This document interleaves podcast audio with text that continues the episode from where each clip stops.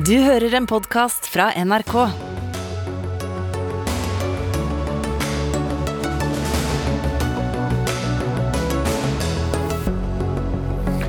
Sivile mål på nytt truffet i Ukraina-krigen. Russerne bruker nå store deler av styrkene til å ombringe viktige byer. Er de russiske angrepene på og nær kjernekraftverk en del av Putins strategi? I så fall et farlig spill, sier Russland-ekspert. Næringslivets hovedorganisasjon og Høyre ber om strømstøtte til bedrifter. Men hva svarer regjeringen? Og muligheten til selv å kunne velge når du vil dø, slutter når du ligger for døden. En av kveldens gjester mener selvråderetten burde vare helt frem til livets slutt. Ja, da ønsker vi god kveld og velkommen til Dagsnytt 18 i dag på NRK2 og NRK P2, og selvsagt på nrk.no. Jeg heter Espen Aas. Natos generalsekretær Jens Stoltenberg avviste ettermiddag blankt noe kompromiss med Russland, gjennom å love at Ukraina skal forbli nøytralt og alliansefritt. Den avgjørelsen må Ukraina selv ta, sa han på sikkerhetskonferansen i Tyrkia i dag. Og dermed fortsetter også krigen med uforminsket styrke. I dag har den enorme militærkolonnen nord for Kyiv igjen begynt å bevege på seg, og landets president sier at krigen har nådd et strategisk vendepunkt. Det handler om tid og tålmodighet. Jamov Mal, korrespondent plassert i Lviv vest i Ukraina. Kampene har rast gjennom natten. Hvor har landet blitt rammet verst? Vi har akkurat fått meldinger om at det har vært flere flyangrep i den sentralt liggende byen Nipro. Minst én person er meldt drept i disse angrepene. Dette skjedde for kort tid siden. Så vi vet vi også at byen Lutsk har blitt utsatt for kraftige angrep. Og så har vi disse byene som har vært beleiret snart i to uker. Havnebyen Mariupol, der er ingenting endret. Russerne har fortsatt sin bombing der. Og i forstedene og tettstedene rundt hovedstaden Kyiv er det ganske ganske intenst nå med russisk bombing. Mm. Hva slags mål er det russerne går etter, i den grad det går an å få noe inntrykk av det?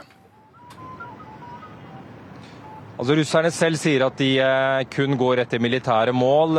Ukrainske sikkerhetsstyrker, deres baser, flybaser, rullebaner. Alt som kan lamme deres evne til å slå tilbake de russiske angrepene. Men ukrainske myndigheter sier det motsatte. De sier at russerne har angrepet f.eks. minst 260 utdanningsinstitusjoner, skoler, barnehager, videregående skoler, universiteter, og at de har gått løs på over 60 helsefasiliteter, altså klinikker og sykehus. Dette avviser russerne blankt, men vi vet gjennom Verdens helseorganisasjon at russerne har bombet minst 18 sykehus. Så russerne har rammet en god del sivile mål, selv om de benekter det. Og så har vi sett flere sporadiske evakueringer. Yama, vet vi nå noe mer om hvor mange som har klart å evakuere seg, eller bli evakuert ut av krigssonene? Det er en veldig veldig vanskelig evakueringssituasjon her i Ukraina. Dette er et stort land, det er kraftige kamper mange steder. Det er veldig vanskelig å komme seg ut. Likevel sier ukrainske myndigheter at minst 400 000 mennesker har blitt evakuert ut av kampsonene. Det høres ut som mange, og alle disse menneskene er sikkert veldig glad for å komme seg ut av de verste kampene og skuddlinjen. Men vi må huske på at dette er et land med 44 millioner innbyggere. Den store store majoriteten av ukrainere sitter fast i disse kampsonene. Så selv om 400 000 har kommet seg ut, så er majoriteten de sitter fast fortsatt. Selv om dette er da en russisk invasjon i Ukraina, så er det også mange fremmedkrigere som har latt seg verve, også på, på begge sider. Du har møtt noen av dem i dag, Yama? Ja, da, Dette er jo offisielt en krig mellom to stater, men det begynner å ligne mer og mer på borgerkrigen i Syria, som vi så tiltrakk trakk til seg titusenvis av fremmedkrigere fra alle verdens hjørner. På russisk side har vi sett at tsjetsjenerne har sendt inn eh, sine soldater, tusenvis av dem. Eh, vi, eh, Russland har også sagt at Syria har sendt sine styrker. I dag gikk Vladimir Putin ut og sa at bortimot 16 000 krigere fra forskjellige land i Midtøsten er på vei, eller har ønsket å komme til Russland for å ta del på russernes side. På ukrainsk side så sier myndighetene her nå at krigere fra frivillige krigere fra over 50 land har meldt sin interesse. Flere av dem er allerede på bakken, og vi møtte bl.a. den aller første som lot seg verve inn i den nye fremmedlegionen til ukrainerne. Dette er en norsk eh, franskmann eh, som var veldig stolt av å kunne tilby sine tjenester og tilby eh, sin eh, kampvilje til ukrainerne. Kan se mer om uh, møtet ditt med ham i Dagsrevyen på NRK1, uh, eh, som, som alltid starter klokken 19. Takk skal du ha, Yama Wolasmal. Og mens noen altså reiser inn i landet, er det mange som vi snakket om, som forsøker å flykte. De fleste reiser til Polen, både til Warszawa, men også til universitetsbyen Lublin, sørøst nær grensen til Ukraina. Der er du reporter Charlotte Bergløf. Over 1,4 millioner minst har flyttet, flyktet til Polen. Hvordan merkes det hos deg? Det merkes her i byen Lublin. Her bor det jo tre, drøye 330 000 mennesker til vanlig. På to uker er det kommet minst 10 000 til, kanskje enda flere. Jeg snakket med borgermesteren i dag. De jo, har jo bare tall på de som har registrert seg, men her har jo frivillige kjørt til grensen, hentet flyktninger, tatt dem med hjem i husene sine her. Så hvor mange som befinner seg i denne byen nå, er man ikke helt sikker på. Men det borgermesteren sier er at nå trenger vi hjelp. Og i dag fikk han hjelp av det danske flyktningerådet. De var her, signerte en kontrakt for at de skal kunne bistå med all den logistikken og all den kunnskapen de kan om hvordan man kan integrere mennesker, flyktninger, inn i et samfunn raskt. Det har uh, altså vært de største flyktningstrømmene til nettopp uh, Polen. Når begynner landet å merke at det begynner å nærme seg en smertegrense? Foreløpig klarer de det, men eh, det er helt åpenbart at vi kanskje allerede har nådd den smertegrensen, fordi at det kommer så store strømmer. Jeg var nede på bussholdeplassen her i går kveld, og det kom flyktninger hele tiden. De kommer også om natten.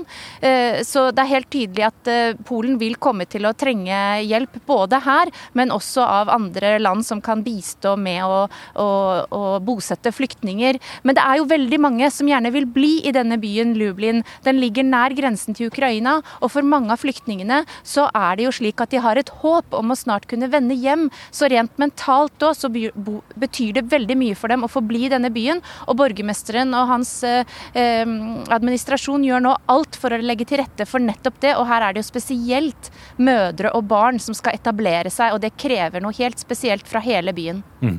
Til slutt, Slotte Slåtte Bergløf. Eh, det meldes også om en del kamper i Lutsk, nær grensen til Polen. Frykten er jo jo selvsagt eh, stor for alt som kan nærme seg å komme over eh, grensen. Hva slags reaksjoner er kommet på dette? Det er klart at dette gjør stemningen spent eh, også på denne siden av grensen. Eh, men også fordi det er så mange flyktninger her som eh, vurderer om de skal bli eller kanskje dra tilbake. Jeg har også møtt folk som har dratt tilbake. Så, det er klart at hele denne situasjonen gjør stemningen veldig spent. Men Nato har jo sagt, og USA har jo sagt, at de skal forsvare hver tomme av Natos territorium. Så jeg tror den frykten for at det skal komme over til Polen, den er ikke så stor eh, foreløpig. Men det er klart, eh, ringvirkningene er enorme hvis nå Vest-Ukraina blir hardere rammet. Da sier vi takk til deg, Slåtte Bergløf, med oss fra Lublin i Polen. Geir Hågen Karlsen, oberstløytnant ved, ved stabsskolen. Eh, la oss gå tilbake til denne lange, lange kolonnen som jo har vært et slags mysterium en stund, som vi i dag har hørt begynt å, å bevege seg nærmere Kyiv, altså den russiske kolonnen. Er vi blitt noe klokere på hva som må skje med den? Den har stått eh, lenge fordi ukrainske forsvarsstyrker har eh, stoppet det. Så har de prøvd å gå rundt eh, lenger vest gjentatte ganger. Siste dagen eller to så har de kommet litt videre foran og litt rundt. og Det gjør at de har fått litt mer plass til å utgruppere styrkene som tidligere sto stablet bakover. Så hele kolonnen har vel flyttet seg litt framover, og så har de også spredd de som før sto på veien ut i skogkanter og andre steder. Noe som er militært smart, for da er du ikke så sårbar som når du står stablet opp langs veien. Det skyldes nok også ukrainske angrep. Det har nok vært noe fly- og droneangrep, neppe mye. Eh, og Senest nå siste døgn så har det også vært eh, bakkeangrep eh, faktisk helt opp mot den hviterussiske grensen. Mm. Tom Røseth, hovedlærer i etterretning ved, ved Stabsskolen. Kan vi ut fra dette lese hva som kan være i vente for innbyggerne i Kyiv? Ja, det begynner jo å nærme seg en ny russisk ja, satsing for å ta Kyiv, vil jeg si. Eh, det mener i hvert fall britisk etterretning. Og eh, hvis de får orden på denne floken da, som eh, har vart så lenge, så, så er det jo det et skritt nærmere for å omringe Kyiv. De er fortsatt et stykke unna. Og så beleire byen og, og begynne å angrepene. Mm. Så er det en del som har pekt på at eh, russerne har vært lite å se på vingene, eller i hvert fall hatt lite suksess eh, fra, fra luften. Eh, hva er årsakene til det?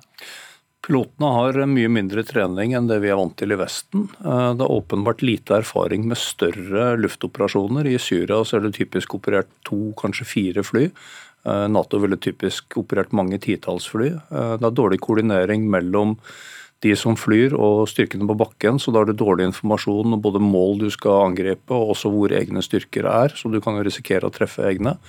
Og Det er også ting som tyder på at koordineringen med russisk luftvern er dårlig. så De har hatt en del tilfeller tidligere hvor de har skutt på egne fly. Så det er en lang rekke forhold her som, som gjør at eh, de opererer mye mindre effektivt enn det vi kanskje trodde. Mm. Og det forlenger prosessen?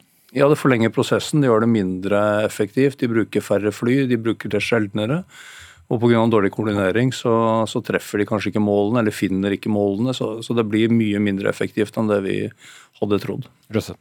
Ja, I tillegg til det Geir Hågen sier, så er det De har fortsatt ikke klart, russerne, å eliminere eh, ukrainsk luftvern. Og heller de eh, luftstridskreftene de har, slik at uh, Eh, ukrainerne har fortsatt vært kapable til å fornekte en del av det ukrainske luftrommet. og Det er også en høy risiko for eh, mange av disse flyene. Mm. Og så har det kommet meldinger både i dag og tidligere om at, at flere sivile mål er, er truffet. Eh, er dette gjennomtenkt? Ja, eh, det er et godt spørsmål. Eh, altså, hvis vi har sett eh, hva som skjedde i Dnipro, ved Dnepr-elven, den store byen sentralt i Ukraina, så virker det som de ikke har truffet militære mål i det hele tatt.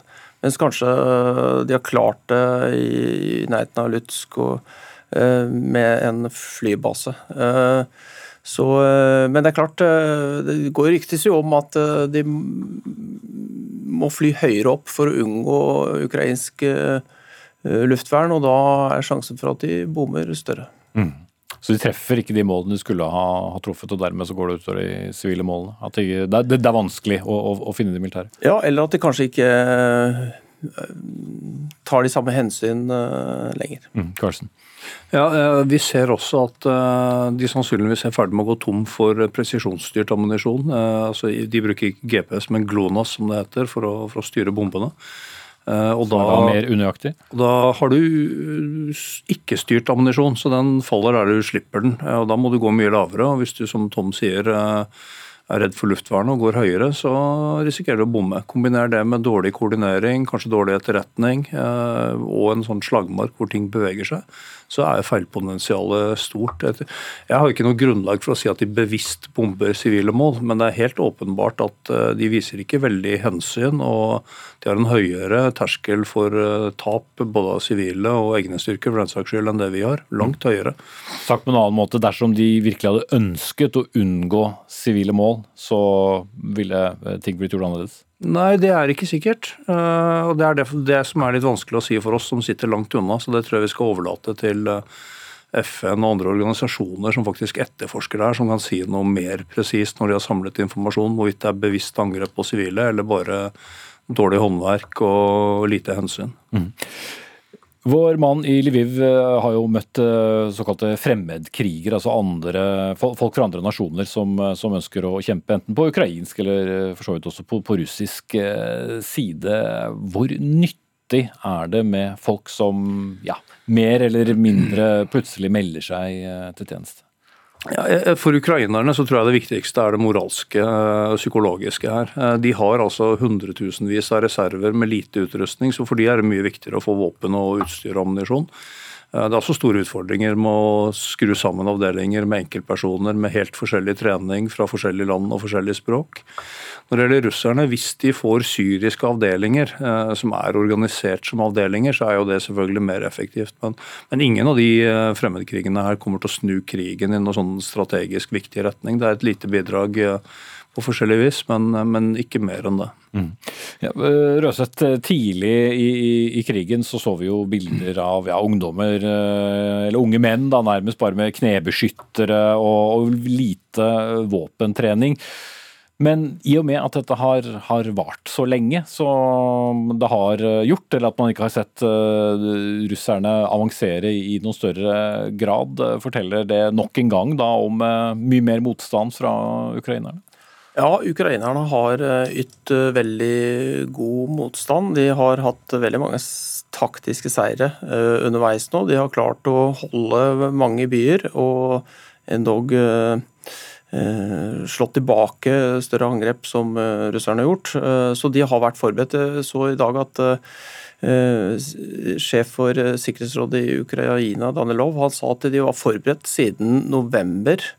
Og, men det som kom uventet på ukrainerne, var at de dro via Hviterussland. At Hviterussland tillot territoriet å bli brukt. Det er, derfor, det er derfor Kiev nå er mer utsatt enn hva det ville vært. Avslutningsvis, eh, Natos generalsekretær eh, Jens Stoltenberg altså snakket i Antalya i, i, Tyrkia i dag og vært veldig opptatt av at krigen ikke, ikke må spre seg, men også avvist alle um, alle løfter om at Ukraina ikke skal bli en del av, av forsvarsalliansen. og Det er for så vidt ikke den veien det skal gå heller, men ut fra det Stoltenberg har sagt i dag, hva, hva slags inntrykk er det han gir? Nei, altså, Vi står sammen med Ukraina, eh, men det er ingen i Vesten som har tenkt å la den krigen spre seg til en krig utenfor Ukraina og lage en krig mellom Nato og Russland. Eh, det vil være en eh, svært farlig eskalering med potensial for en storkrig som er langt langt større enn det vi ser nå i dag. Så det er det ingen som, som, ingen som ønsker, ingen som har tenkt å bidra til. Og jeg tror både russerne og Nato vet at om ting skulle skje i grenseområder ved en feil, så, så, er man klar over potensialet i eskalering. Vi har jo sett saker tidligere. Tyrkerne skjøt jo ned russisk fly for, eksempel, for noen år siden ved Syria. Så man klarte å ta inn den uten å eskalere til en større krig. Mm. Men ordvalget er vel også viktig her, Røsse? Absolutt, og nasjonenes selvbestemmelsesrett står først og fremst og sterkest. Og det er det som er prinsippet til Nato.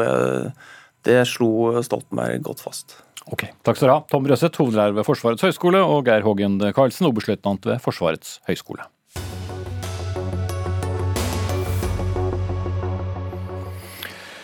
Finlands eh, president tok i dag opp eh, sikkerheten til eh, kjernekraftverk i Ukraina da han snakket med Russlands president Vladimir Putin. For nettopp kjernekraftverkene har blitt svært aktuelle under den to uker lange krigen.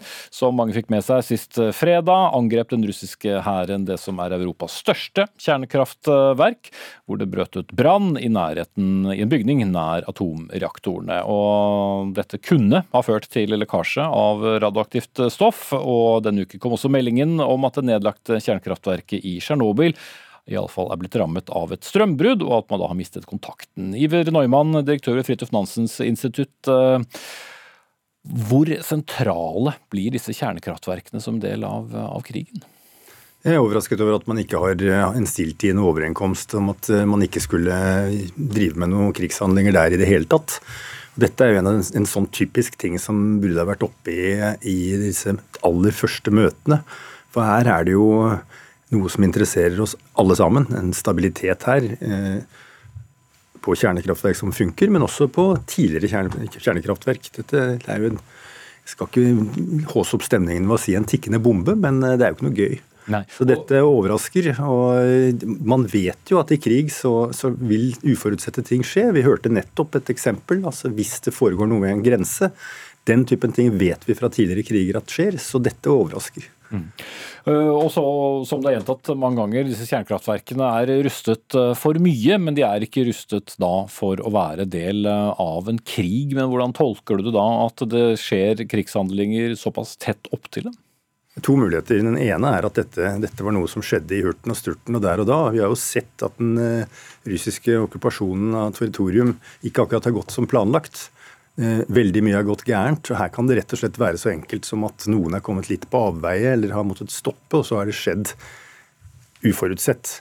Det får vi tro og håpe. Det er også en mulighet for at uh, Russland, som har truet med bruk av atomvåpen hele tre ganger på tre uker, faktisk gjør dette for å minne om at eh, de har en, et litt mer skal vi si, avslappet forhold til kjernefysikk enn eh, mange av oss andre.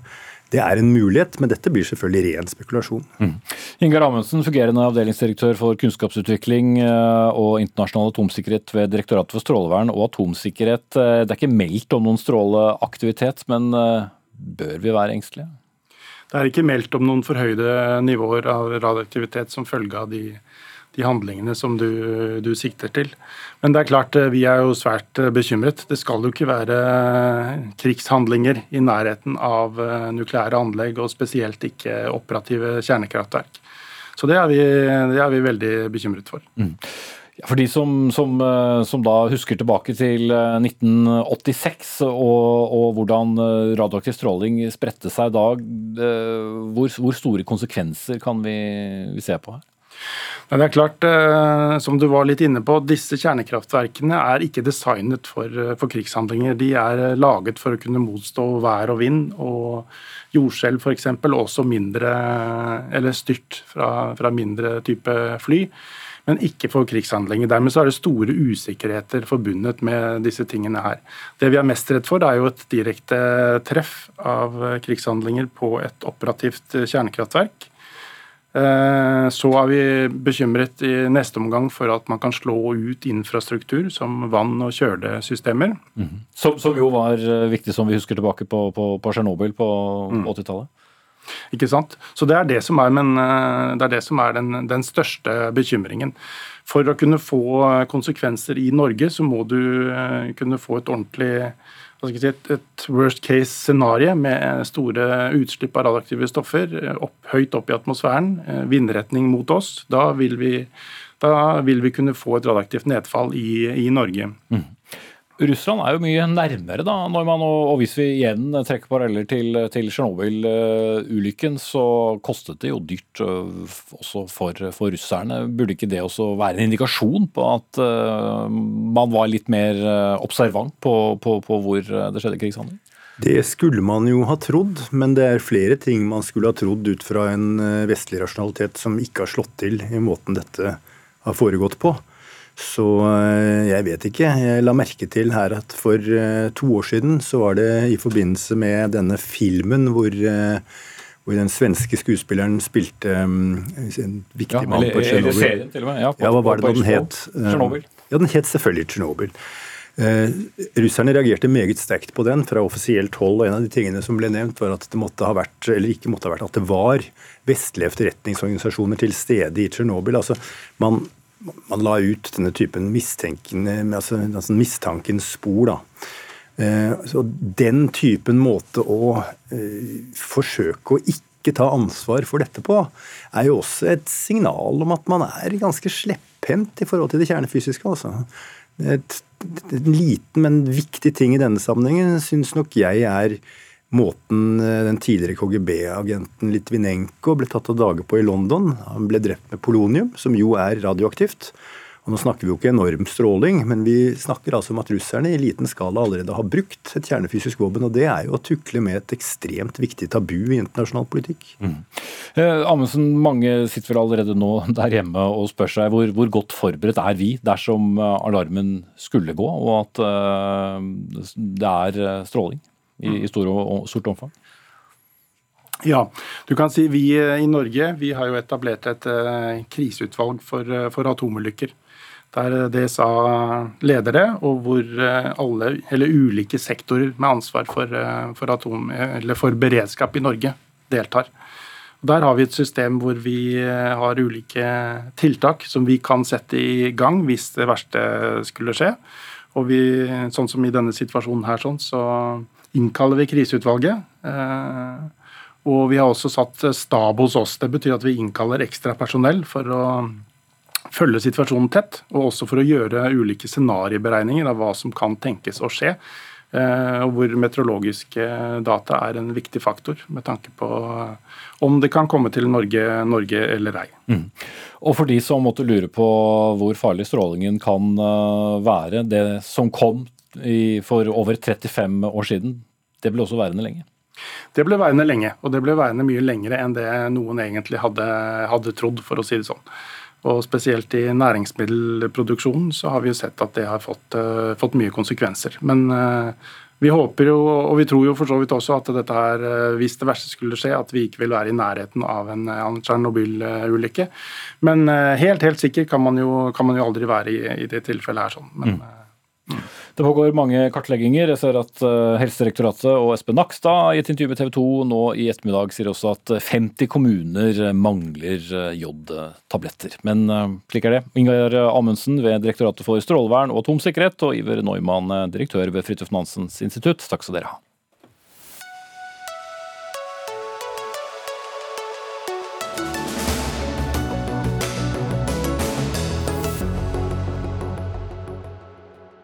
Burde staten sponse strømregningen til private bedrifter? Og ja da, det mener både Høyre og NHO, som litt senere i sendingen møter regjeringens næringsminister til eh, debatt. Men vi holder eh, tematikken rundt Russland og Ukraina en liten stund til, for regjeringen her hjemme sier at den vurderer å blokkere de russiske mediehusene RT, tidligere Russia Today, og Sputnik for brukere i Norge. Det skriver Klassekampen. Begge mediehusene er allerede blokkert blokkert i EUs medlemsland, og de publiserer da engelskspråklige nyheter, og blir brukt av også russiske myndigheter til å spre falske nyheter om krigen i Ukraina. Elin Floberghagen, generalsekretær i Norsk Presseforbund. Eh, du mener en mulig eh, sensur, vi får fortsatt eh, si det da, ville vært veldig uheldig men hvorfor det? Ja, for det første så vil jeg si at Vi må anerkjenne problematikken her. Dette er ikke mediekanaler, dette er ikke journalistikk sånn som vi kjenner det på norsk side. Dette er i veldig stor grad eh, konspirasjonsteorier, desinformasjon, som kommer ut fra disse to vi her snakker om. Når det er sagt, så mener jeg at vi må her på norsk jord, og jeg mener også på europeisk, møte propaganda og desinformasjon med kildekritikk, faktasjekk, journalistikk, eh, og ta debattene eh, her på, på norsk jord. Og Det mener jeg det er det demokratiet står for, og vi kan ikke ofre ytringsfriheten på, for å liksom hellige dette målet. Som jeg for så tror at alle er enige om, et ønske om å begrense desinformasjon. Men per nå så sitter jo hver eneste dag, hver eneste time, norske redaksjoner og jobber med å faktasjekke alt som kommer inn. Det kan være bilder, det er videoer, det er tekst. Hva er sant, hva er ikke sant? Verifisering. Blitt en stor og viktig jobb, og den kommer til å bli større. Men vi tror altså ikke at det å strupe tilgangen er svaret på dette. Mm. Jon Ferseth, forfatter og medieviter med, med, Balkan som spesialfelt. Eh, du mener det lureste ville være å sensurere mediehusene. Hva, hva, er det de gjør som vi ikke trenger? For det første så har ikke jeg sagt at det er det lureste å gjøre. Er, da lar du faktisk litt ord i munnen min. Uh, men det jeg har lyst til å bare starte med å si, er at vi skal være litt, litt klare om hva det er vi snakker om her. altså som du sa, dette her er ikke medier slik som vi kjenner det.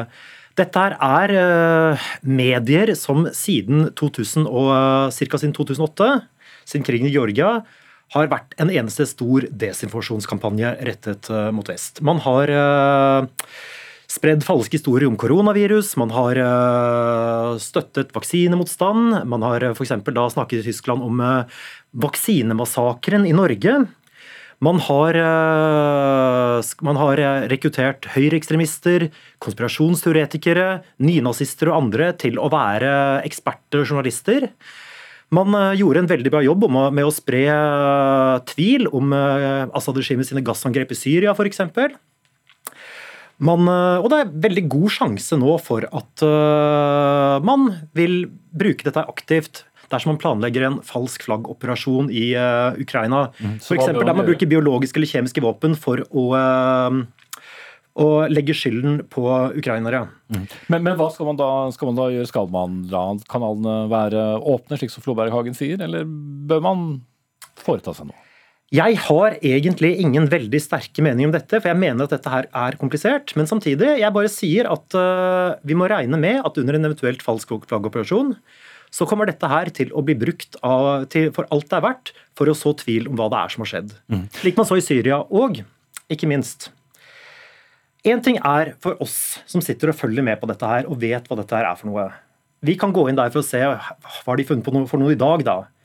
Men det er det at uh, alle vet ikke hva dette her er for noe. Noen vil klikke seg inn på det og bare tenke at å ja, dette er et medie. Det er sikkert ikke noe verre enn uh, Al Jazeera eller BBC eller hva som helst annet. Og så, ja, men de sier jo dette. Så dette er komplisert. Mm. Og så er det jo blanding, vi må jo også legge til det av, også helt vanlig nyhetsdekning. Og så er det det man ikke helt vet. Så det å finne ut helt hvor grensen mellom nyhetsdekning og propaganda går, er vel heller ikke gitt? Nei, det kan du si, men jeg, jeg mener at dette er også et ytringsfrihetsspørsmål, ikke bare et pressespørsmål. Uh, ikke sant? Og Det å kunne få tilgang til å, å se hva er det Putin-regimet faktisk sender ut, har en verdi i seg selv. ikke sant? Vi må vite det. Uh, vi ser også at russiske eh, kanaler blokkeres. ikke sant? Det er nesten ikke uavhengige medier som kan operere lenger i Russland pga. de nye medielovene som, som, de innførte. Tilgangen til vestlig uh, journalistikk eller til annen journalistikk journalistikk enn det Putin eh, sender ut eh, gjennom sine kanaler, er nesten ikke-eksisterende. Og da, da, tenker jeg at eh, Norge og Europa som solide demokratiske bastioner må, må tro på vår egen, egen, satsing på ytringsfrihet og pressefrihet som grunnpilarer i samfunnet. Og det, jeg, jeg, tenker rett og slett at også at pressefriheten er under press i andre deler av Europa allerede å, å, ty til sånne type virkemidler som dette eh, for fort, mener vi, er veldig uheldig. Mm. Men mener du at, men, Jeg håper vi er enige om det at uh, Russland nå ville ikke vært noe mindre strenge med pressesensur rundt krigen nå som det er krig, enn selv om vi ikke blokkerer RT? Det er jeg helt enig i, og jeg er også helt enig i at store deler av det som sendes ut, er ren propaganda og desinformasjon. Det er jeg også enig i. Mm. Men er det ikke også eh, Det er jo en del eh, kjente journalister i Frankrike, i den britiske varianten av RT, hvis den i hele tatt eh, finnes lenger, som også var der. Så både snakker du jo om Floberghagen dette som, som, medier og ytringsfrihet, men samtidig ja, så er det propagandaen. Deler. Det er litt av eh, begge deler, kan du godt si. Men, men, det vi ser nå, er jo at det er én historie som skal komme ut. ikke sant? Og det er den russiske eh, Det er Putins historie og hans folks historie. Og da, Jeg skjønner det at når man sitter her, at man får et ønske om å stanse flommen av desinformasjon. Eh, samtidig så mener jeg vi har andre våpen å møte det med. Sensur ikke sant? det er ikke våpenet vårt. Vårt våpen er journalistikk. Så det er et prinsipp for deg, rett og slett? Ja. Vel, for det første, Jeg er litt uenig faktisk at det bare er én historie som skal ut. Det som tvert imot er, eh, har vært RT sin eh, modus operandi i veldig mange situasjoner, f.eks. etter eh, Skripal-drap, eller drapsforsøket på Sergej Skripal i Storbritannia, etter nedskytingen av det malaysiske MH17-flyet, det er det at man har brukt RT til å drive en spesiell form for krisehåndtering, der man rett og slett pumper ut en masse forskjellige mer eller mindre spinnville eh, alternative forklaringer for at vi skal bli sittende igjen og tenke at hmm, nei, det er så mange, mange mulige teorier, jeg vet ikke helt hva jeg skal tro. Det er eh, egentlig en måte å skape forvirring på, vel så mye som å få oss til å støtte det russiske perspektivet.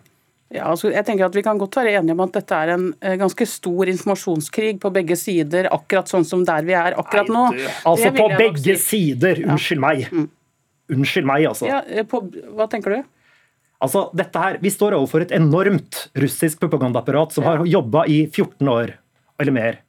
Da kan, altså, da kan, man ikke snakke om på begge sider her. Altså. Det blir som å likestille at ja, men både Ukraina og Russland fører krig. Nei, det har jeg aldri sagt, og jeg har heller aldri sagt at vi driver propaganda og desinformasjon. Det er jo ikke sant, det var det virkelig ikke det jeg sa.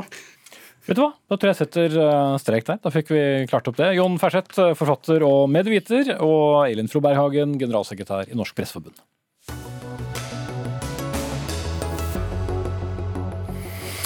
Da skal vi til eh, litt eh, hjemlige forhold igjen, selv om eh, det i det store bildet også kan relateres til det som skjer i Ukraina. Men etter at strømprisen og prisen for en kilowattime denne uken bikket åtte åtte kroner med avgifter inkludert, så kommer det også noe krav om at regjeringen må utvide strømstøtte også til å gjelde bedrifter. Strømstøtten til privatpersoner den ble foreslått forlenget av regjeringen i går med enda ett år, men driver du næring, ja i hvert fall de aller fleste næringer, ja så er det ingen støtte å få. Anniken Hauglie, viseadministrerende direktør i NHO, dere mener at også bedrifter må få strømstøtte, men hvem da? Alle? Nei, eh, det vi har eh, sagt altså For det første så er jo denne situasjonen holdt eh, vart en stund. altså Strømprisen har vært høy ganske lenge. og Vi hadde jo en undersøkelse blant våre medlemmer som viste at den, var, at den ville ha store alvorlige konsekvenser for mange av medlemmene. Det var før den forferdelige invasjonen av Ukraina. Nå er situasjonen enda verre. Det som vi har tatt til orde for, er jo at man gir en, en støtte, særlig til små og mellomstore bedrifter, og fortrinnsvis i de områdene av landet hvor strøm strømmen er dyr. Det er jo store forskjeller. Mm, så mer, mer målrettet, da, mer, ikke på, ja, altså, på, pris, sånn som den ja, altså, eh, NO, altså, Vi mener jo altså, Bedrifter skal i utgangspunktet drives for eh, egen regning og risiko, det sier seg jo selv, men nå er vi i en veldig ekstraordinær situasjon, og dessverre kommer den til å antageligvis vare en stund også, fordi det er en, en energikrise i, i, Europa, særlig som en følge av nå i siste runde invasjonen av Ukraina. Så, og vi, Ideelt sett så skulle vi ønske at dette ikke var nødvendig, vi håper at det er så kortårig som mulig også, men vi tror tror det er nødvendig, rett og slett for å eh, redde mange av de bedriftene som nå står i en vanskelig situasjon. fordi det vi nå ser, kommer på toppen av mye annet. At de har utsatte skatter og avgifter fra pandemien. Eh, det er eh, økte innsatsfaktorer, det er økte skatter og avgifter. Så det er summen av alt som gjør at situasjonen er veldig vanskelig for mange bedrifter. og vi skulle ønske at, at regjeringen nå kunne komme i hvert fall de små og mellomstore bedriftene i de dyre områdene av landet til komme dit til unnsetning. Ok, Næringsminister Jan Kristian Vestre fra Arbeiderpartiet du er med oss eh, fra Bergen. Eh, hvordan møter du ønsket fra det private næringslivet? Ja, Vi lytter selvfølgelig til partene i arbeidslivet og til bedriftene og følger denne situasjonen veldig tett. Samtidig synes jeg det er litt viktig å minne om at det er en grense mellom hva som er skattebetalernes ansvar og hva som er bedriftenes ansvar. Nå har vi gjennom vinteren brukt over 20 milliarder kroner i koronastøtte til næringslivet, og bedriftene er vant til at priser går opp og ned. Det gjelder på råstoffer, det gjelder på transport, det gjelder renter, det gjelder valutakurser og det gjelder også strøm. Og Da er jo spørsmålet om dette er noe staten skal ta ansvar for, og skattebetalerne skal ta ansvar for, eller det er en del av den eh, måten det er å drive butikk på. Men vi utelukker ikke at det kan komme nye tiltak. Vi følger situasjonen tett. Situasjonen i Ukraina har selvfølgelig aktualisert det, og så får vi eventuelt komme tilbake til hva det skal være. Men jeg syns ikke vi skal eh, uten videre la staten være en slags forsikringskasse for eh, bedriftene, for da forringer det konkurransen i næringslivet, og det er ikke bra for verdiskapingen vår. Hauglie.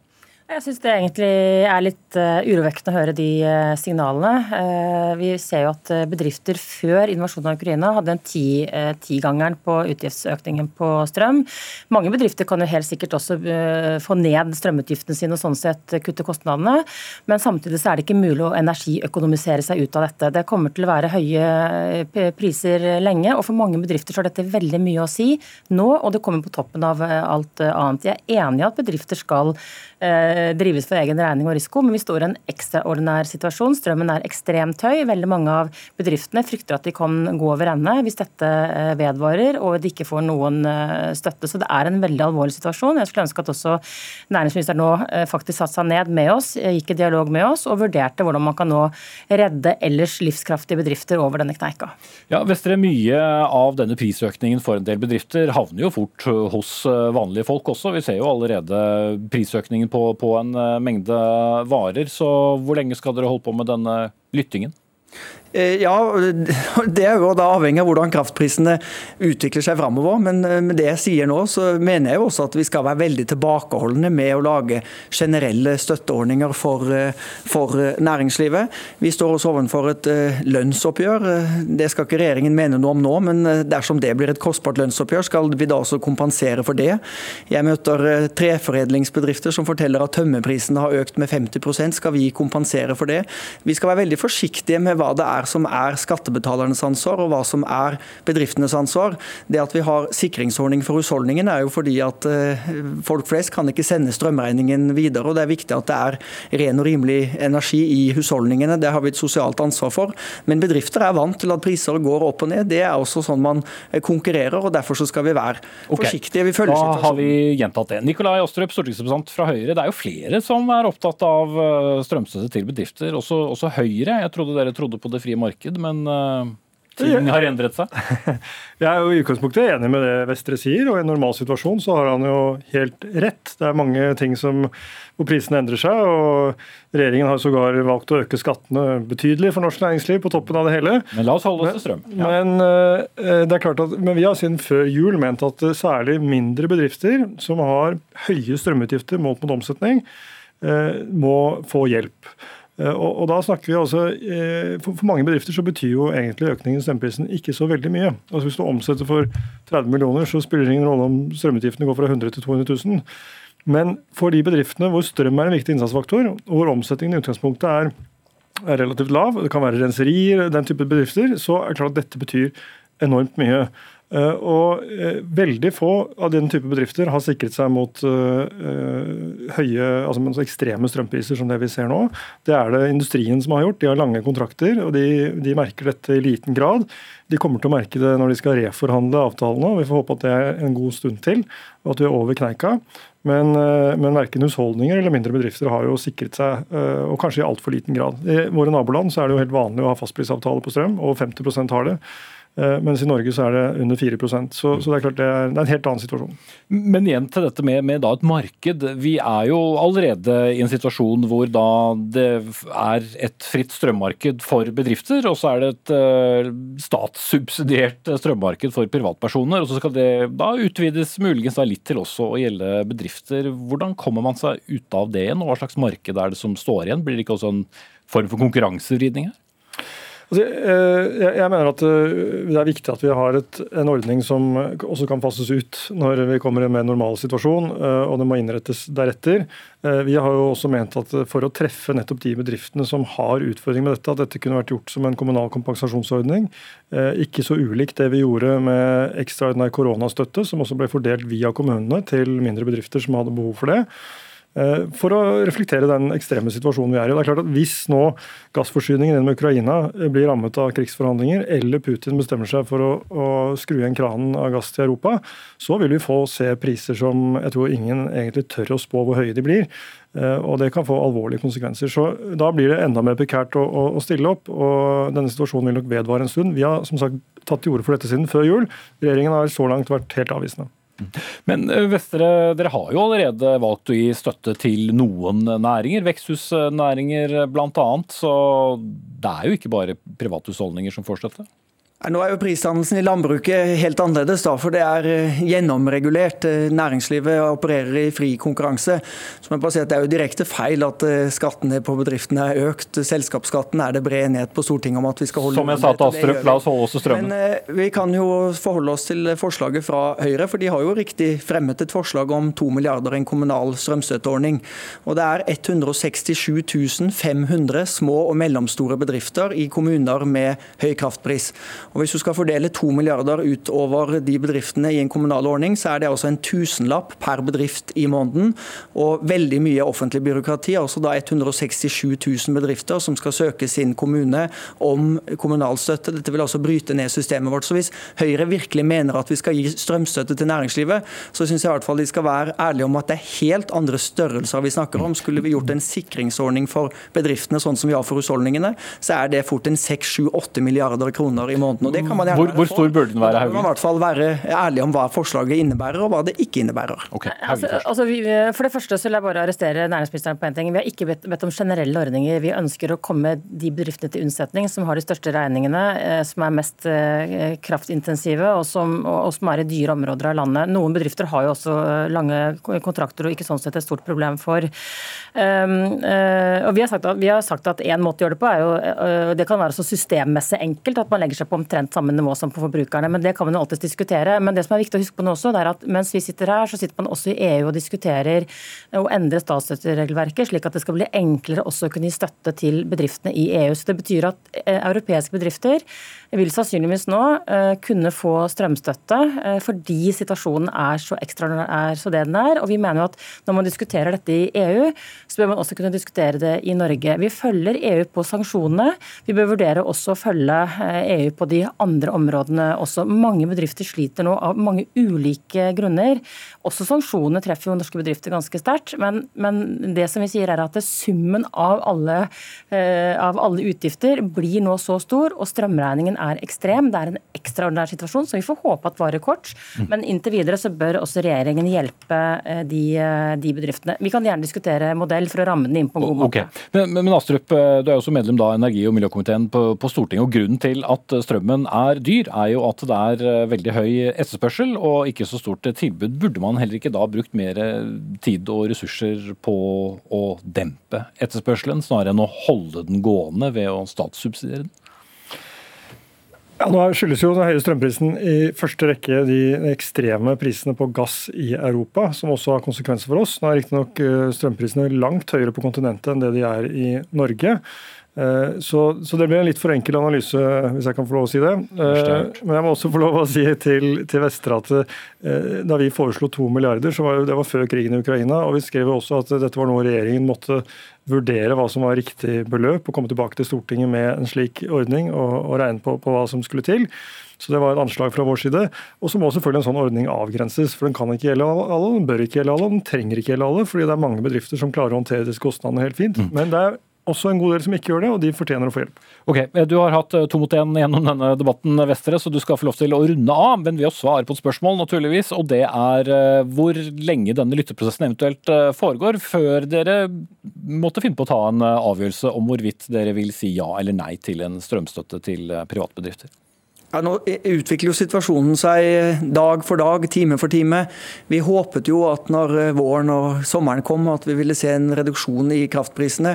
Det er for tidlig å si noe om, fordi dette kan endre seg raskt. Men det er klart, går vi inn i en situasjon nå med vedvarende mye høyere strømpriser, så er selvfølgelig regjeringen beredt til å handle. Og Derfor så syns jeg ikke det er noe galt i det å lytte og følge situasjonen. Vi har god dialog med partene. Vi snakker med bedriftene og næringslivet, og det kan godt være at vi stiller opp mer. Jeg er bare opptatt av å problematisere at det er ikke sikkert vi er tjent på lang sikt av at staten opptrer som en forsikringskasse, fordi det kan forringe verdiskapingen i samfunnet dersom bedriftene kan lene seg på at det er skattebetalerne som stiller opp når prisene går opp og ned, for det er bedriftene vant til å håndtere allerede. og Sånt er det også i en, en fri konkurranse. og Det tror jeg både NHO og LO og både Høyre og Arbeiderpartiet bør være opptatt av. Ja, noen vil kanskje tenke at det kunne høres ut som noen av rollene var byttet om i den diskusjonen, men iallfall Jan Christian Vestre, næringsminister, Nikolai Astrup, stortingsrepresentant fra Høyre, og Anniken Hauglie, viseadministrerende direktør i NHO.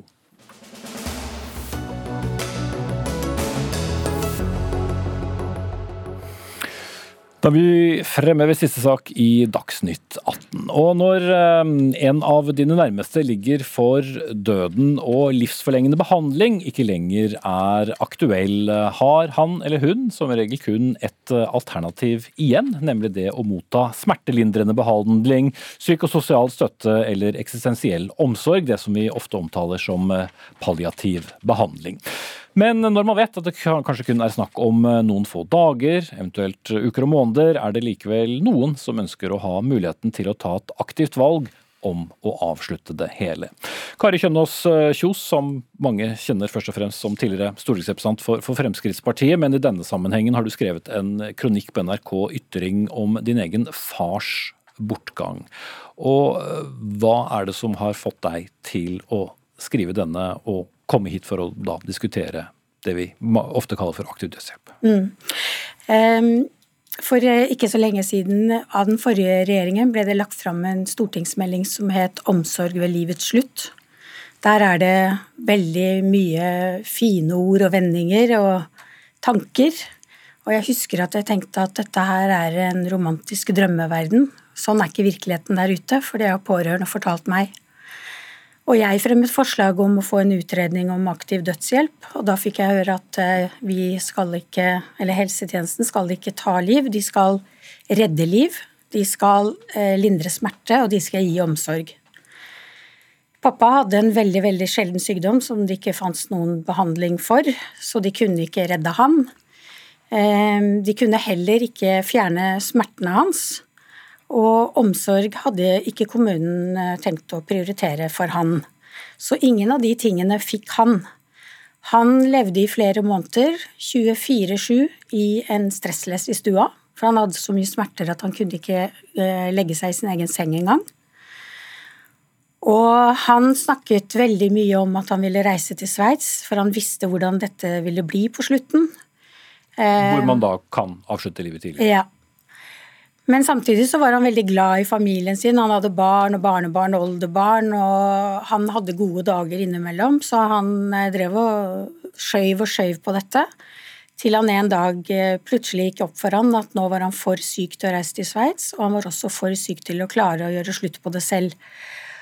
Og det var veldig tungt for han eh, da. Jeg er ikke helt sikker på om han ville benyttet seg av det, men han snakket fryktelig mye om at han ikke kunne bestemme selv. At det var noen andre som satt der og mente at han fortjente å lide og vente og lide og vente og ikke ha noe liv. Mm. Men skulle Ja. han, og da mener han burde hatt en større mulighet til å ta den, til na- ta den avgjørelsen, men hva om du hadde vært uenig? Jeg ville aldri vært uenig i det. Jeg støttet han 100% i det. Jeg så hvor, eh, hvor vondt han hadde det. Men andre pårørende ville jo kunne ha Ja, men når du vet at vedkommende skal dø Jeg kjenner ingen pårørende som syns det er greit å se på sånne lidelser over så lang tid. Og det som har skjedd etter at jeg skrev den kronikken altså Det er helt ufattelig hvor mange henvendelser jeg har fått, og det er fra mennesker jeg ikke kjenner, som har stått i det samme, og som sliter med det samme som meg. Det faktum at det er vanskelig å dra fram gode minner om pappa, for det eneste jeg ser, er den smerten han hadde den siste tiden. Og jeg har vært så mye sint, og jeg hadde håpet at det sinnet skulle gå over når han ble borte, men jeg er fortsatt skikkelig sint på systemet og på at han ikke fikk lov til å bestemme over sitt eget avslutning av livet. Og vi har diskutert eh, aktiv dødshjelp med deg i Dagsnytt 18 også tilbake i i 2019, eh, husker jeg. Men, og det er altså ikke en ny debatt. eh, Olav Wergang Nilsen, du er leder da for foreningen Retten til en, en verdig død. Hva er alternativene når det ikke er mer medisin og det går mot slutten i, i dagens system? I dagens system i, i Norge så er uh, alternativet det er å, å lide seg gjennom til man faktisk dør. Det er, eh, det er alternativet. Og så finnes det uh, noe som heter sedering, som betyr å legge pasienten i uh, kunstig søvn. Men uh, det gjøres veldig lite. Og jeg syns ikke det er noe godt alternativ for et menneske som du vet har som et innerste ønske om å dø. Men hva slags kriterier skal man legge til grunn? Det er jo gjerne der vi ender opp i disse debattene hver gang. Er man selv selvstendig nok til å ta det valget? Skal de pårørende ta valget? Osv. Så, så Så når Eller hva, hva slags kriterier skal, skulle man lagt til grunn? Øh, Vår mening er at det er først og fremst det er pasienten selv som skal ta beslutningen. Og vi sier at det skal, beslutningen skal tas av en beslutningskompetent, et beslutningskompetent menneske. Så, så det, de som er rundt, altså en pårørende skal ikke kunne si at nei, du får ikke lov til å dø, hvis vedkommende selv ønsker å, å avslutte. Mm. Det er, Uavhengig av vedkommendes tilstand. Nei, eh, det, det kan selvfølgelig være tilstander hvor, eh, hvor vedkommende ikke er eh, mulig å, oppnå noe kontakt med, og hvor kanskje pårørende må komme inn. Og det gjøres jo i dag i forbindelse med altså, behandlingsavslutning og slikt noe, det som vi ofte har kalt for passiv dødshjelp. Og, og da f.eks. en som da ligger i respirator, så, så tar man valget om å gå og slå av bryteren.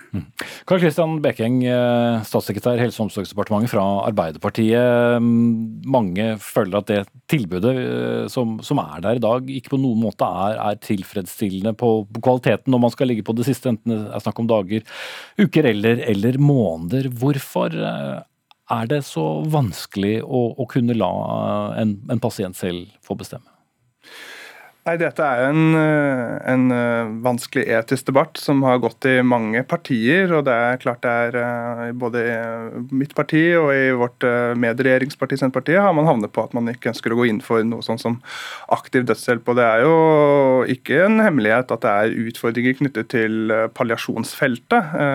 Den stortingsmeldingen ga et godt signal, men det er mye som må jobbes med for å følge opp det, f.eks. knyttet til et lovarbeid for selvbestemmelsesretten for alvorlig syke pasienter. Hvor langt skal plikten til å yte øyeblikkelig helsehjelp gå når man er på livsopprettholdt behandling osv. Det er ting som, som, departementet følger opp. Men, men, når det kommer til selve spørsmålet om man skal gå inn for eh, aktiv dødshjelp, så eh, det er klart det er visse disse praktiske utfordringene og kriteriene som, som du peker på, men jeg tror Kanskje det kan summeres opp i to hvert fall, hoved sånn, prinsipielle problemstillinger som uh, i hvert fall gjelder uh, i mitt parti. og Det er knyttet til helsepersonell og, og den situasjonen man da setter eh, også pasienten og familien i. For det er klart, eh, Dette er veldig mange unike tilfeller med vanskelige overveielser.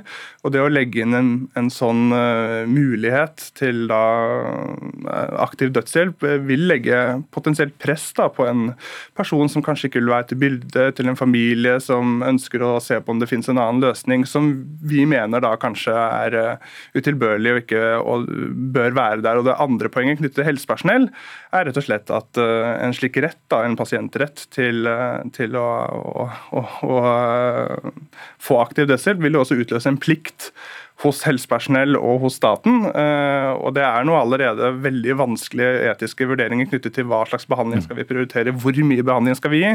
Og Det å da i tillegg legge inn et ansvar til å ta liv, mener vi er, og det mener også de medisinske foreningene er noe man ikke ønsker. Ja, dette med hensynet til Eh, helsepersonell, så, så, har vi jo på andre områder reservasjonsrett. Som også vil være helt naturlig å benytte i, i en sånn sammenheng som dette her. Og dette med, med press, eh, at, folk, at noen pasienter vil føle seg presset til å be om å få lov til å dø.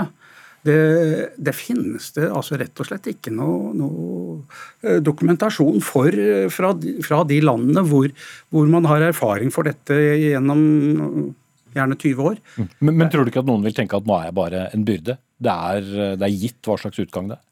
Eh, jo, men jeg tror altså det at man er en byrde ja, ja, noen Man får eh, eventuelt også respektere at noen tenker slik.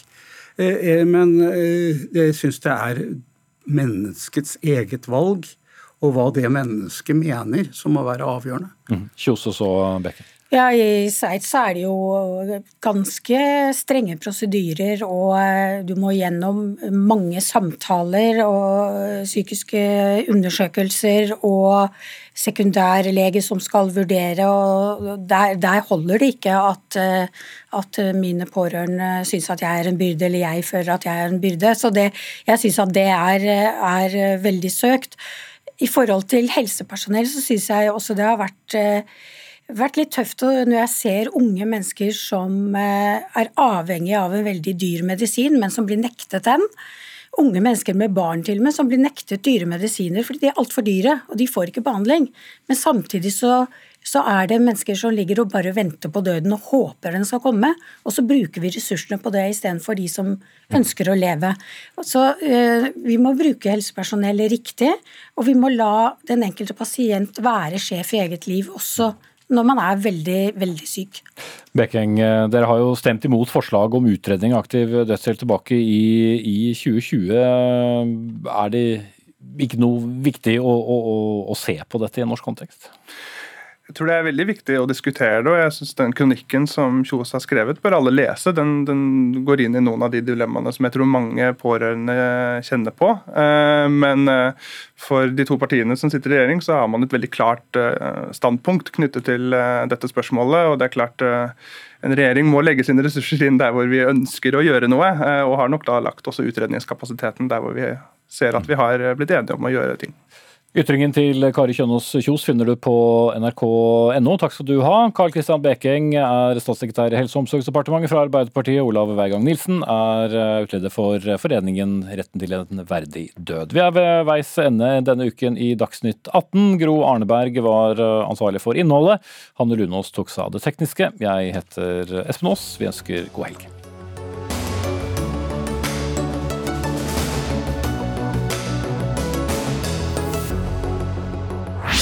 Hva har skjedd i løpet av natta? I appen NRK Radio samler vi alt du trenger for å forstå Ukraina-konflikten. Jeg syns det var nok fra før, og så kom det bare enda mer oppå der. På et busstopp i Ukraina klamrer en far seg til den lille datteren sin. Hver dag skjer det ting som påvirker oss. Vi stiller spørsmålene og forsøker å forstå. Vi må tilbake til de gamle grekerne for å forstå begrepet oligark. Hvorfor det? Det er heftige greier. Last ned appen NRK Radio og finn ut hva som ligger bak alle overskriftene fra Ukraina. NRK Radio. Vi hører sammen.